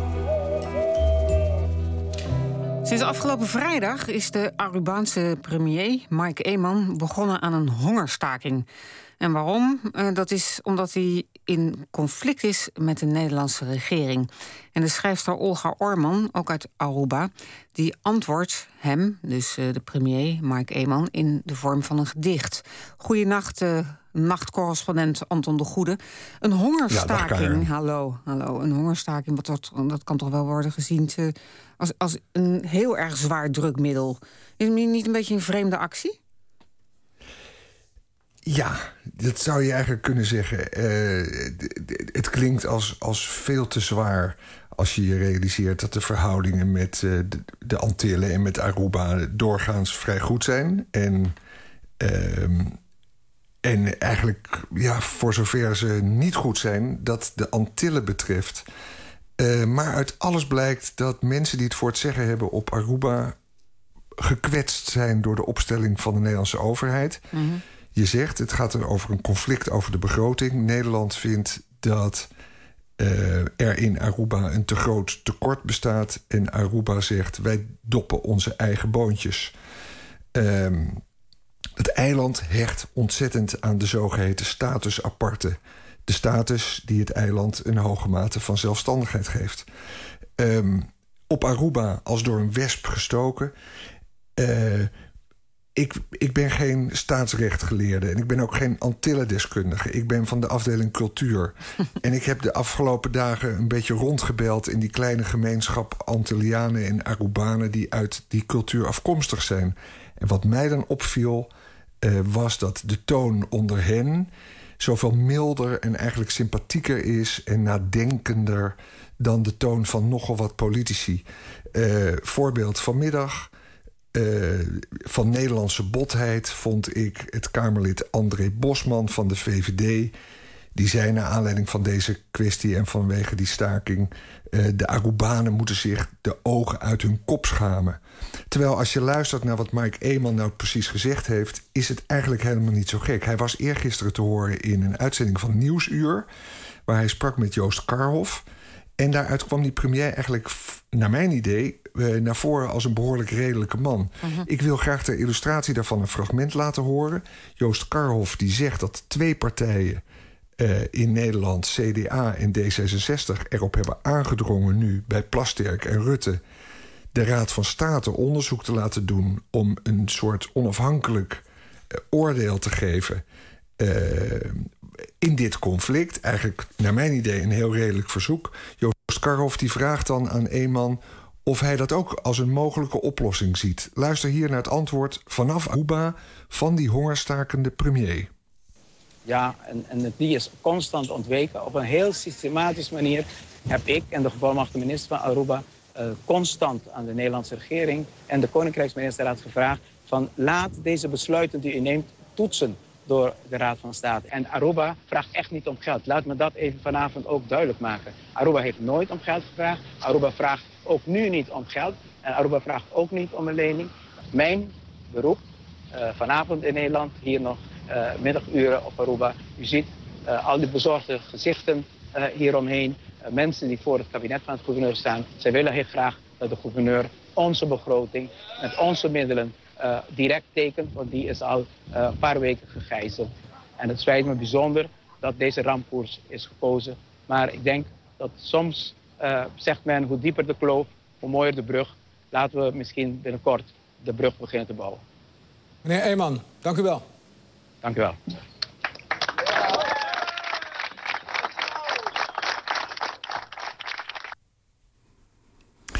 Ja, daar stond hij dus uh, op dat tropische eiland met om zich heen zo'n soort 80 onderdanen. Je moet je voorstellen, we hebben het over een eiland ter grootte van Texel, waar uh, een, een, ongeveer 1 zevende van de bevolking van Amsterdam woont. Het is een hele kleine gemeenschap.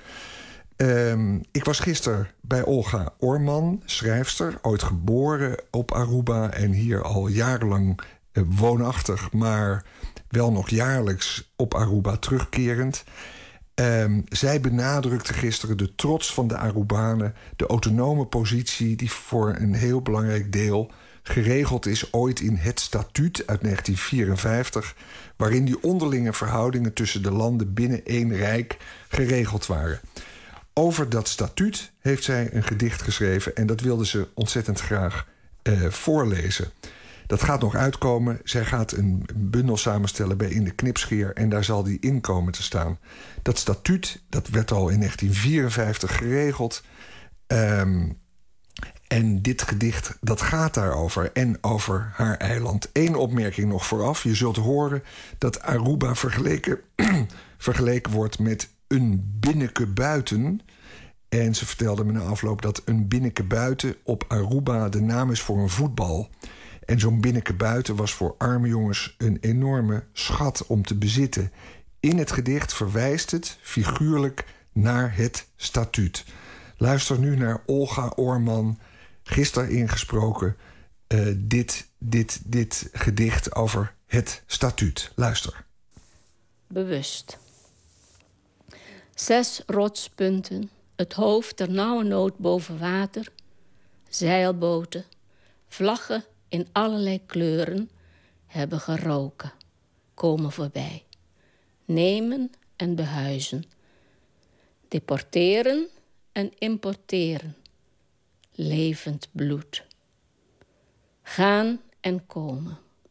Laten slechts wortels achter om uit te zuigen. Zonder voedsel, zonder bescherming. Zes rotspunten het hoofd een nauwe nood boven water. Een echte goudade. Een stroompje zwart goud. Amper een strohalm. Voor even. Totdat de kraan dichtdraait. Zes rotspunten. Het hoofd de nauwe nood boven water. Een nepgeschenk. Een binneke buiten. Om zonder hoofd nog voet te spelen een spel voor drie partijen. Om oneenigheid te zaaien. Zes rotspunten. Het hoofd bijna onder water. Drijvend op de toeristenzak. Roepen uit. Maar van wie zijn we dan toch? Zes rotspunten. Houd het hoofd boven water. Voel je voeten. Verenig met je broers en zussen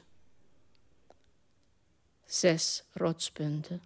Heft het hoofd op. Orkanen komen en gaan.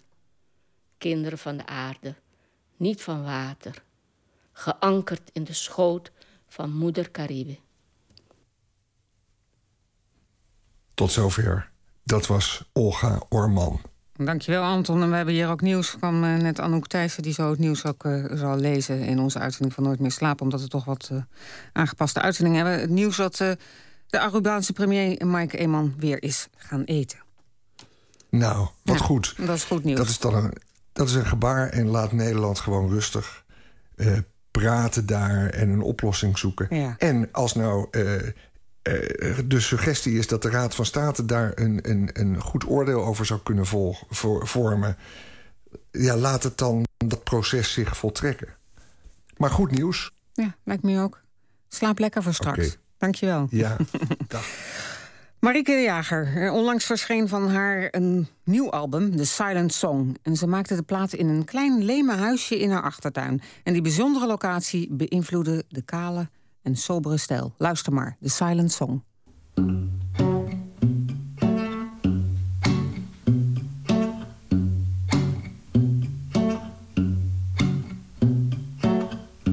Do you listen well?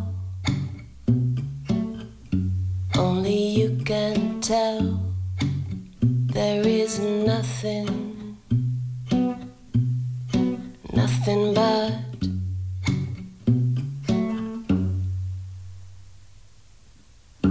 Did you close your eyes? Only darkness shows you the world of nothing, nothing but. The silent song, the silent song. The silent song. The silent song.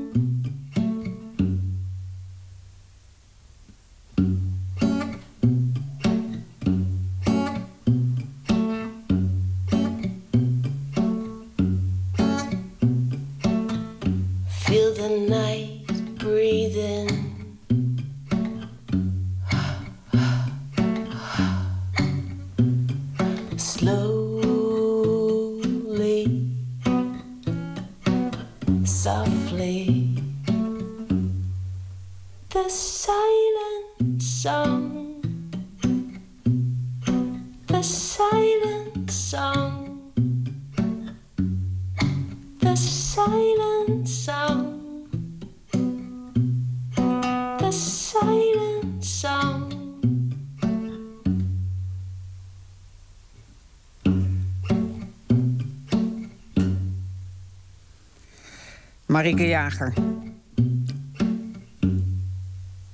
Ja, Marike Jager. Echt klaar nu. Extra nieuws eh, op eh, deze toch wat eh, treurige dag. Hier is eh, Anouk Thijssen. In een groot deel van Nederland wordt later vandaag stilgestaan... bij de slachtoffers van de vliegramp in Oekraïne. Het neergestorte toestel van Malaysia Airlines... had zeker 154 Nederlanders aan boord. Bij alle gebouwen van de Rijksoverheid zal de Nederlandse vlag half stok hangen. En bij de Vierdaagse van Nijmegen wordt op beeldschermen... een steunbetuiging aan de nabestaanden getoond. Radio Tour de France zal vervallen. In het speciale dagprogramma van Radio 1 wordt op terughoudende wijze verslag gedaan van de etappe. Amerikaanse veiligheidsdiensten zeggen dat vlucht MH17 van Malaysia Airlines is neergeschoten boven Oekraïne. Dat is gebeurd met een luchtdoelraket. Over de afkomst van de raket en de identiteit van de daders doen de veiligheidsdiensten geen mededelingen. Premier Rutte wil dat er een objectief en onafhankelijk onderzoek komt naar de vliegtuigramp. Hij wil niet speculeren over wat er is gebeurd. Duizenden Israëlische militairen zijn de grens met Gaza overgestoken... om de tunnels tussen Gaza en Israël te vernietigen. Hamas noemt de stap van Israël gevaarlijk... en waarschuwt dat het land een hoge prijs zal betalen... voor de bezetting van Gaza. En de Arubaanse premier Mike Eman heeft zijn hongerstaking beëindigd. Dat deed hij nadat de gouverneur hem had beloofd... maandag duidelijkheid te geven over de eilandsbegroting. De Arubaanse premier begon vrijdag met een hongerstaking... uit protest tegen het besluit van de Arubaanse gouverneur... om de begroting niet goed te keuren. Dat waren de hoofdpunten. U luistert eh, naar Nooit meer slapen, het cultuurprogramma van de VPRO. Elvis Presley, Ike Tina Turner en Eric Clapton... ze gingen allemaal aan de haal met het nummer Reconsider Baby. En in Nooit meer slapen draaien we het origineel... uit 1954 van de West Coast blues legende, legende sorry, Lowell Fulson.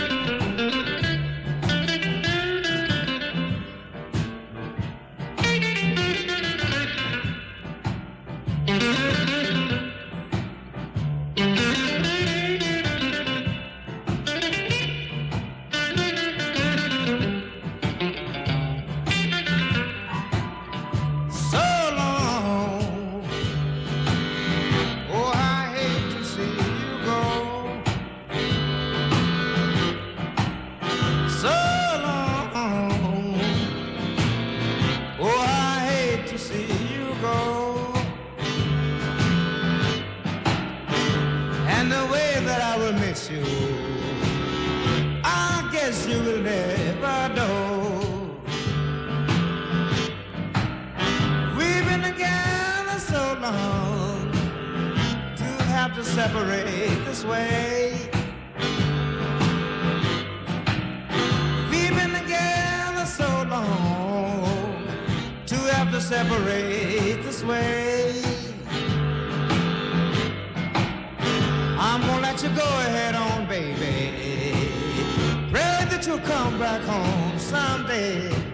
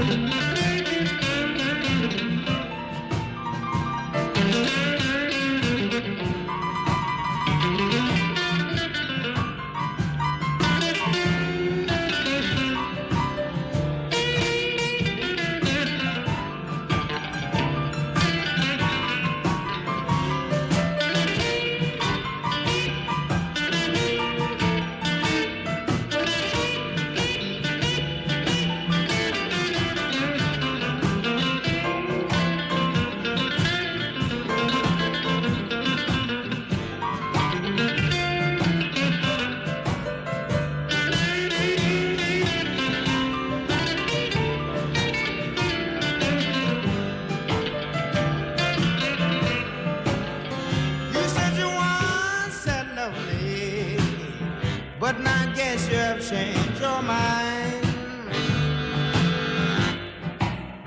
You said you once said love me, but now I guess you have changed your mind. Why don't you reconsider, baby? Give yourself just a little more time.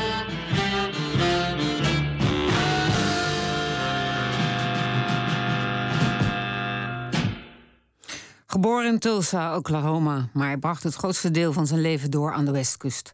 De Amerikaanse blueslegende Lowell Fulson was dat met Reconsider Baby.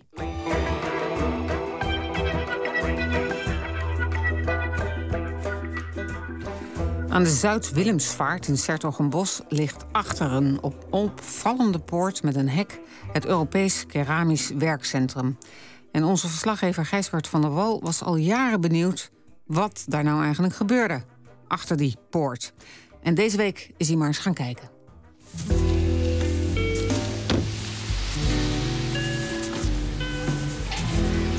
Ja, ik ben er. Ja, je bent hartstikke goed, joh. Leuk je weer te zien. Ja. En jij hebt dit natuurlijk nog nooit gezien. Nee, ik heb dit nog nooit gezien. Bijna iedereen die zich in de Nederlandse hedendaagse kunstwereld beweegt, vangt wel eens iets op over het EKWC, het Europees Keramisch Werkcentrum in Den Bosch. Kunstenaars die daar een tijdje aan een beeld of project hebben kunnen werken, zijn zonder uitzondering enthousiast. De Utrechtse beeldhouwster Tanja Smeets bijvoorbeeld. Zij werkt nu alweer voor de derde keer in het EKWC. En voor mij was dat een mooie aanleiding om er eens te gaan kijken. Zullen we even de glazuurruimte inlopen? Dit is eigenlijk wel mijn eh, favoriete ruimte. Dit En dat is heet de- en dat heette eh, wat De ruimte? glazuurruimte. En niet zozeer dat ik werk met glazuur, maar hier maak je eigenlijk alle mixen. En omdat ik bezig ben met een eh, porseleinmix, sta ik eigenlijk heel veel hier. En Hoezo een mix? Wat is een mix? Nou, in, in die porselein stop ik eh, allerlei ingrediënten waardoor de porselein gaat smelten. En dat is wat mij heel erg fascineert. Dat dingen gaan smelten in zo'n oven, dat je er niet helemaal controle meer over hebt. En dat doe ik dus hier. Hier voeg ik die ingrediënten erbij, waardoor dat proces eh, kan plaatsvinden. Dat is een beetje het laboratorium. Ja, en dat vind ik ook zo leuk. Je maakt, ik zal je het boek laten zien eh, waar we recepten in maken. Je bent een soort tovenaar eigenlijk. Ja, hier zie je alle ingrediënten, schrijf je op. En dan de grammen. En dat ga je allemaal afwegen op een weegschaal. Dat voeg je bij elkaar. Ja, dus echt... scheikunde. Ja, Maar dit gaat dus al lang niet meer alleen maar over keramiek, toch? Dus ik bedoel niet over klei. uiteindelijk wel. Als het straks uit de oven komt wel. Maar hier nog helemaal Maar het niet. is geen klei, het is klei met van alles er doorheen. Ja, maar er is ook gewone klei. Gewoon zo'n pak. Ja, wat je... Wil je die graag boetseren. zien? Er zijn er heel veel van.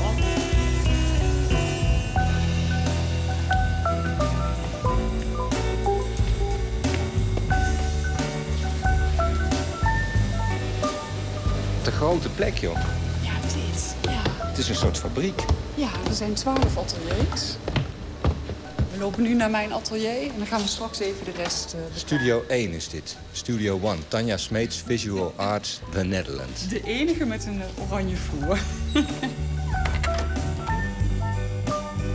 Dit, dat en dat zwarte wat je daar ziet... dat is eigenlijk allemaal eh eergisteren uit de oven gekomen. Het is geglazuurd, het glimt heel mooi. En Ja, het is dus waarschijnlijk hard als het uit de oven Ja, is gekomen. dat is hard, maar dat is niet geglazuurd. Dat is eigenlijk waar ik je net in de glazuurruimte over vertelde. Ik mix het glazuur al door de klei heen. Dus waar andere keramisten iets maken en daar een laagje glazuur op zetten... maak jij iets waar de glazuur al in zit en dan afwachten wat er gebeurt. Ja, daar ben ik eigenlijk heel tijd naar aan het zoeken. En wat er gebeurt is dus hier te zien. Precies, je kunt dat tenminste zien in de dingen die al uit de oven zijn gekomen. Hè? Want dat, wat je daar ziet liggen, is hetzelfde als wat daar staat. Hetzelfde materiaal. Alleen daar is het, heb ik het pas gisteren gemaakt en door de zeven heen gedrukt. Dus wat je ziet is klei, of eh, kleiachtig spul... dat door de mazen Ja, van een soort eh, frituurmandje gedrukt is. ja. En dan krijg je een soort bloemachtige vormen. bloemachtige vorm... die door die eh, glazuur en dat smeltmiddel in de oven ook eigenlijk eh, weer gaan smelten. Ja, mooi. En, en sommige meer en sommige minder. En dat komt eigenlijk door, door wat ik erin stop. En die zeven die gaan mee in de oven. Ja, die gaan mee. Die maken deel uit van het uiteindelijke ja. object. En dat is ook heel erg wat ik zoek. Dat, eh, dat ik eigenlijk werk met gewone materialen. Dus uit zo'n toko of eh vaasjes van de blokker. En die mee in de oven gaan en een onderdeel worden van die keramiek. Want ik wil niet een beeld kleien. Ik wil eigenlijk werken met keramiek zoals ik met, met ander materiaal werk. Dat je gewoon bouwstenen uit het alledaagse leven gebruikt... om structuren mee te maken die in een ruimte een beeld worden. Dit is eigenlijk de derde keer dat ik hier aan het werk ben. En de eerste keer dat ik hier was, eh, had ik ook iets in de oven gestopt. En dat kwam er heel vreemd uit. Dat eh, glansde. Maar mij eh, fascineerde dat heel erg. Maar ik wist niet meer precies wat ik had gedaan. Toen ben ik met eh, de staf hier om tafel gegaan. Van wat is daar gebeurd? Wat heb ik daar ingestopt? Die recepten nagekeken. En die staf die heeft daar verstand van. Ja. Dat is echt een technische staf. Ja, Mensen ja. die weten wat er gebeurt met keramiek in een oven. Ja. En, eh, maar we hebben er dagen op zitten puzzelen. Nieuwe proeven gedaan. Nou, het kwam er nooit meer zo uit als dat stomme stukje. En toen uiteindelijk toch gevonden wat er was gebeurd. En toen is daar dit eh, uitgekomen. En dit is al een goeie, maar ik heb daar toen die eerste werkperiode... een stuk of dertig van dit soort, ook een soort van plantachtige bloemen meegemaakt. Ook door een heel klein zeefje heen gedrukt. Ja, ik vertel het je eigenlijk omdat ik vind het zo mooi dat er uit zo'n heel mislukt experiment, waarvoor je helemaal niet hier bent, uiteindelijk iets ontstaat eh, waar je ja, hele nieuwe werken mee kan gaan maken. Want de tweede keer heb ik daar dus een heel groot werk mee gemaakt. Dus dit is echt een plek om te experimenteren. Een soort proeflaboratorium. Ja, ik gebruik het heel erg zo. Ik ben hier dus eh, deze periode een maand, maar meestal ben je hier drie maanden. Hiernaast zitten de appartementen. Je hebt Daar hier ook een appartement. Ja, ja, daar verblijf je. En, Een soort eh, hotelkamer. ja, soms heel klein, soms iets groter, heel eenvoudig. Je bent er eigenlijk nooit. De nou, oké, maar je woont er wel. Je slaapt er. Ja, je slaapt daar, maar meestal ben je... eh, we eten dus s'avonds om een uur of acht. En tot een uur of acht is iedereen aan het werk. En dan na het eten om half tien gaat iedereen weer naar zijn atelier. En dan werk je weer verder. En s'morgens gaat het weer verder. Maar het is dus een soort reservaat van keramisten. Het zijn dus geen keramisten eigenlijk. Er zijn af en toe mensen die echt vanuit de keramiek komen. Maar er zijn heel veel architecten, kunstenaars. Eh Koen er bijvoorbeeld is een eh, videokunstenaar uit België. Oh, het zijn dus vaak kunstenaars die incidenteel voor een bepaald Ja. werk met een Ja. bepaald doel een keer keramiek willen Ja. gebruiken. En ik denk dat daardoor ook eh, heel veel van die spannende experimenten met keramiek gebeuren hier. Wat ik, wat ik jou ook vertel, juist door die mislukkingen kunnen er ook hele nieuwe manieren ontstaan om met die keramiek om te gaan. Beeldend kunstenaar Boris van Berkem, die er nu ook aan het werk is, noemt het EKWC een kleiklooster. Ja, ja kleiklooster. Ja. Je gaat in het klooster. Je eet met elkaar. Je bidt dat het goed gaat. En eh, als je eh, geluk hebt, dan krijg je de gloria. Het is eh, één groot ritueel. En de Vlaamse kunstenaar Koen Thijs maakt een vergelijking die zelfs nog verder gaat. Heb je ooit eh, de Toverberg van Thomas Mann gelezen? Ja. Zo voel ik me soms, ja. Hè? Vind je dat niet? Zo'n gesloten gemeenschap. Hè? De, Waar- de. Toverberg dat speelt gewoon in een sanatorium, toch? Ja, ja, ja. En met allemaal zieke mensen die daar komen. En dan heb je dus het werkend personeel, ja, enerzijds. En, dan, en de zieke mensen die met hun problemen zitten. De- het probleem dat ze willen een kunstwerk maken.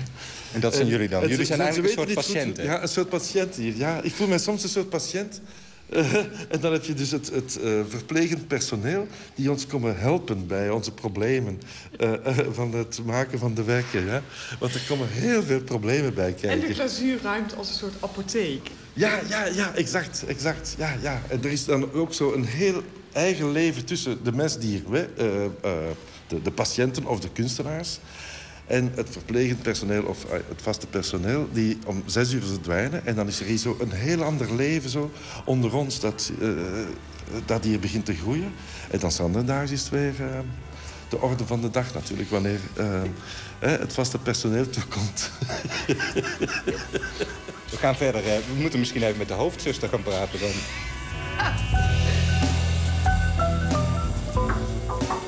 Rontie? Hier is Gijsbert. Hoi. Ik ben Ron Jan, werkzaam bij het Europees Keramisch Werkcentrum in Den Bosch. Als directeur? Ja. ik stelde me bij dat Europees Keramisch Werkcentrum... bij dat woord een beetje een soort uh, commune voor... waar uh, hippie-achtige types lekker uh, creatief bezig zijn met pottenbakken en zo. In, in, ook nog in Europees verband. We zijn wel een plek waar mensen gewoon lekker komen kleien. Maar gelijkertijd op het hoogste niveau wat je in de wereld kan vinden. Mensen komen uit Japan, Korea, China, echte keramische, keramieklanden. Die komen hier kleien.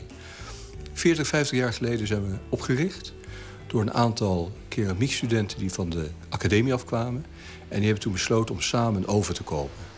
Want ze konden wel gebruik maken van ovens op de kunstacademie, maar ben je van de academie af. Daarna was er geen gelegenheid om samen iets te stoken.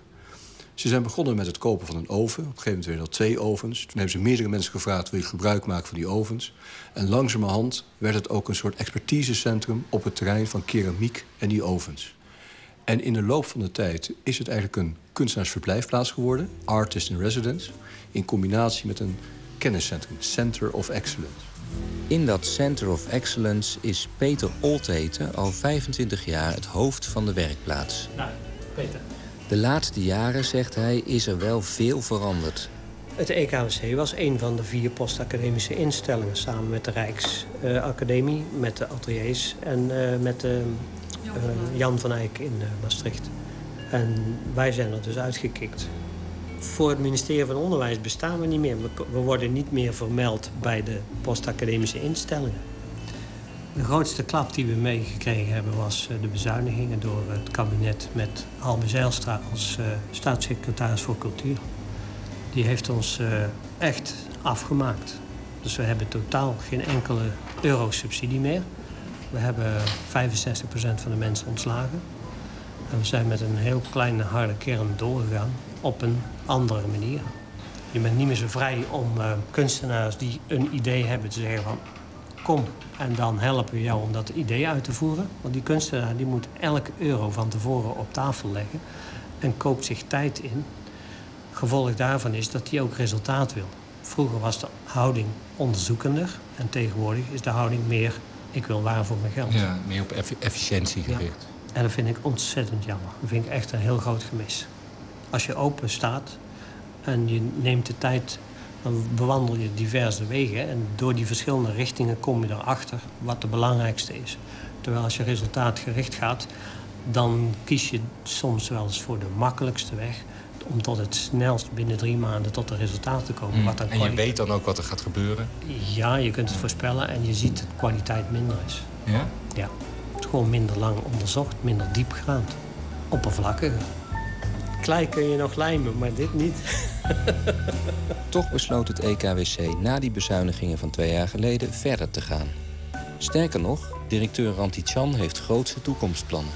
We hebben gekozen om ons ook op het publiek te gaan richten. Dus dat we zeggen, we willen heel graag publiek ontvangen om te laten zien wat we hier doen. Tegelijkertijd hebben we gewoon een toegangskaartje, hè. we hebben gewoon een prijs. Mhm. We willen heel graag iets doen voor het hoger onderwijs. Omdat we weten dat al die academies, maar ook heel veel studenten... willen graag iets met keramiek doen. En dat kan niet meer op de academies of aan de universiteiten. Ja, ja. En het derde is dat we heel graag met het bedrijfsleven willen werken aan prototypes. Wij zijn natuurlijk ook sterk op het terrein van bakstenen. Uh, mijn voorganger Koos de Jong heeft heel veel gedaan... aan de ontwikkeling van keramiek en architectuur. En ook aan keramiek en design. En we hebben gemerkt dus, dat... Dus iets minder uh, op zichzelf staande kunst en iets meer toegepaste kunst. Ja, ja, ja. ja. En het EKWC gaat verhuizen. Het huis hier past ons perfect. Het zit als een handschoen. We hebben hier twaalf ateliers, twaalf appartementen. We hebben hier verschillende werkplaatsen. Maar wat we ook nodig hebben is ruimte op het publiek. Uh, het een en ander te kunnen laten zien. Hoger onderwijs, bedrijfsleven. Dus we zijn twee jaar geleden gaan zoeken naar een grotere plek. Nou ja, zoals de meeste mensen... Bezuinigingen en jij gaat zoeken naar een grotere ja. plek. Ja, maar ik wist ook dat half Nederland staat natuurlijk leeg. Al die grote monumenten, al die grote gebouwen, oude fabriekscomplexen. En we zijn uitgekomen in Oosterwijk, waar we twee keer zo groot worden... zodat we die nieuwe functies daar kunnen toepassen. We zijn dan open voor het publiek, open voor het hoger onderwijs. Wat is dat voor gebouw waar je intrekt? Het is een fantastisch mooie oude leerfabriek. Een enorm complex, pal aan het station. En dat was tot tien jaar geleden, eh, behoorde het tot de grootste leerfabrieken van Europa. En uh, het publiek dat nu luistert en denkt van ja, daar willen we wel langskomen. Wanneer, wanneer zitten jullie daar in Oosterwijk? Ik denk dat we in maart open gaan. Maart volgend jaar? Ja, maart 2015. Uh, dan kan je bij ons het hele keramisch proces gaan zien. Ik denk dat het min of meer vergelijkbaar is met het Textielmuseum in Tilburg. Dat zit er ook vlakbij. En wat ook heel spannend gaat worden... Uh, op ons complex, vlak achter ons, gaat ook Robert van Beckhoven zitten. Dat is de bekende patissier van Nederland. Mm. Die ken je misschien van heel Holland Bakt. En die gaat ook workshops geven op het terrein van het bakken van taarten. Ja, ja. Dus en dan gaan jullie klei bakken en ja, exact. Ja, dus wij delen onze belangstelling voor ovens. en misschien kan er ook nog een crematorium bij dan. Uh, daar had ik nog niet aan gedacht. Dank je voor deze tip. Ja. U hoorde een reportage van Gijsbert van der Wal over het Europees Keramisch Werkcentrum. En dat is dus nog een klein jaar gevestigd op de locatie aan de Zuid-Willemsvaart 215 in Den Bosch, als u wilt gaan kijken. En dan als toetje van deze uitzending van Nooit meer slapen, Serge Gainsbourg met Ballade.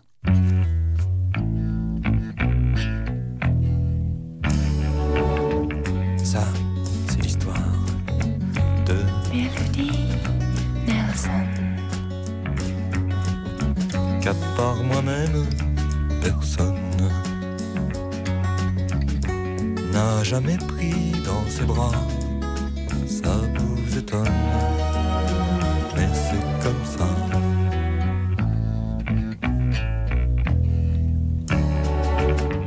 Elle avait de l'amour pour vous. Melody Nelson. Mais elle en avait des tonnes. Mais ses jours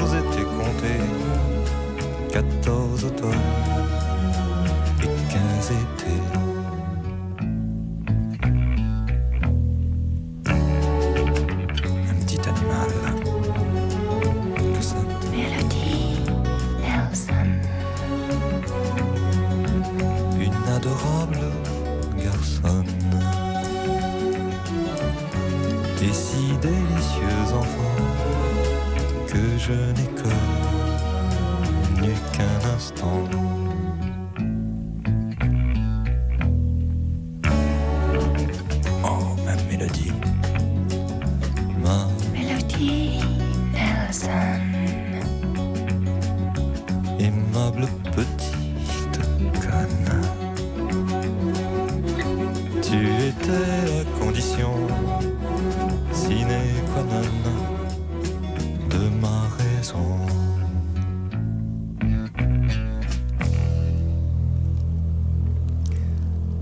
Dit was Nooit meer slapen. En morgen zit hier Anton de Goede en hij praat met arrangeur en bandleider Konrad Konzelk. En uh, Konzelk die heeft samen met de solisten Ellen ten Dam en Hans Dagelet... de muzikale voorstelling het World War One project gemaakt. Ik wens u een goede nacht. En bedankt voor het luisteren. En zo dadelijk Nachtzuster.